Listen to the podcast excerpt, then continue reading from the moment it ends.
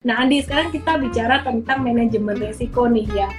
Kalau manajemen resiko di saham biasanya aku selalu saranin buat teman-teman pemula untuk mulai dari yang kecil dulu, yang pertama. Karena kan masih belajar, masih ngetes. Terus kemudian setelah itu aku saranin buat teman-teman ini untuk bagi jadi jadi modalnya tuh aku uh, saranin untuk bagi jadi eh, 5 atau 10 saham buat mereka bisa ngetes dulu. Jadi kalau 10 saham ya satu tuh 10 persenan.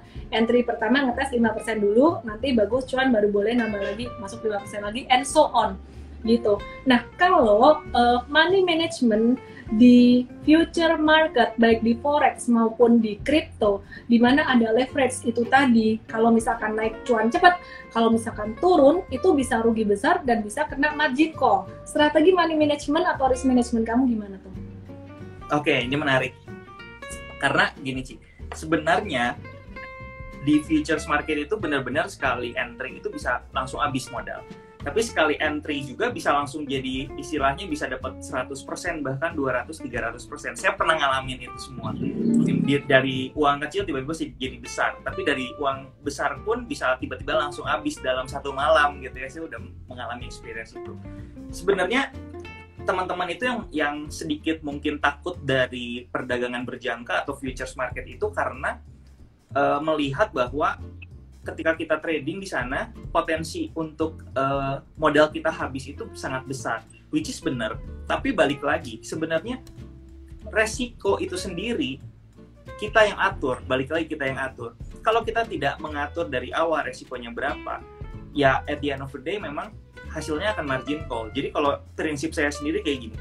Let's say kita uh, let's say kita ngomongin uang kecil aja ya. Misalkan uh, 1000 US dollar ya 1000 US dollar. Nah, dari beberapa buku yang saya baca juga, dari beberapa trader yang udah sukses juga di uh, futures market, dia selalu menyarankan bahwa setiap kali trading itu maksimal resiko itu 2%. Jadi kalau misalkan kita anggap 1000 US dollar ini adalah 100%, kita cuma boleh loss sekali kita trading itu 20 dolar aja gitu. Jadi 2 persennya aja. Jadi kalau kita mau loss beruntun misalkan lima kali, itu nggak akan sampai margin call juga karena kita udah set dari awal bahwa uh, resiko kita tuh cuma 20 dolar aja loh setiap kali trade dan itu bisa. Itu bisa sekali kita atur. Nah, buat teman-teman yang mungkin pengen tertarik untuk futures market uh, harus mengerti dulu konsep atau pola gimana caranya kita memanage resiko dan memanage uangnya. Betul. Uh, nanti masalahnya itu di position uh, position sizingnya. Position sizingnya kita kalau misalkan terlalu uh, besar atau overload, ya akhirnya resikonya juga membesar. Justru hmm. sebenarnya enak sih dengan leverage itu kita bisa uh, membeli membeli atau menjual sebuah aset itu dengan nilai yang besar. Tapi untuk kerugian kita itu hanya sebatas modal kita aja sebenarnya kayak gitu. Jadi Benar. kalau kita bisa benar-benar uh, memanage itu semua dan itu kita jalankan dengan konsisten, itu bisa mendapatkan profit yang lumayan sebenarnya di sana. Cuman memang mentalitas kita itu adalah kalau seribu dolar cuma dapat uh, cuman apa ya, cuma masukin lot kecil, cuman lossnya 20 dolar kayaknya kurang seru gitu ya.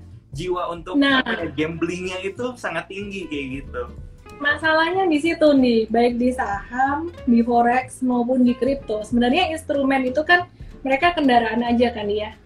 Jadi problemnya orang tuh kadang nggak sabar. Jadi mau cuan cepat. Sebenarnya kalau mau konsisten, kita kalau aku sih yang inspiring aku banget tuh film Ben Hur itu. Jadi film Ben Hur tuh kan kalau pernah nonton ya dia ada perlombaan kuda uh, karapan kuda kereta kuda gitu. Itu yang menang adalah orang yang bertahan paling akhir bukan yang paling cepat mencapai garis finish gitu. Jadi muter-muter gitu tendang-tendangan sepak-sepakan tapi yang ya film perang sih itu. Tapi yang paling bertahan adalah yang yang paling akhir yang paling survive gitu. Cuman masalahnya banyak orang tuh nggak sadar bahwa esensi dari trading adalah bertahan, bertahan, survive gitu. Maunya tuh di depan cuan gede, cuan gede sehingga kadang money management atau risk management tuh dianggap kayak priori yang nomor dua atau nomor tiga, nomor empat gitu.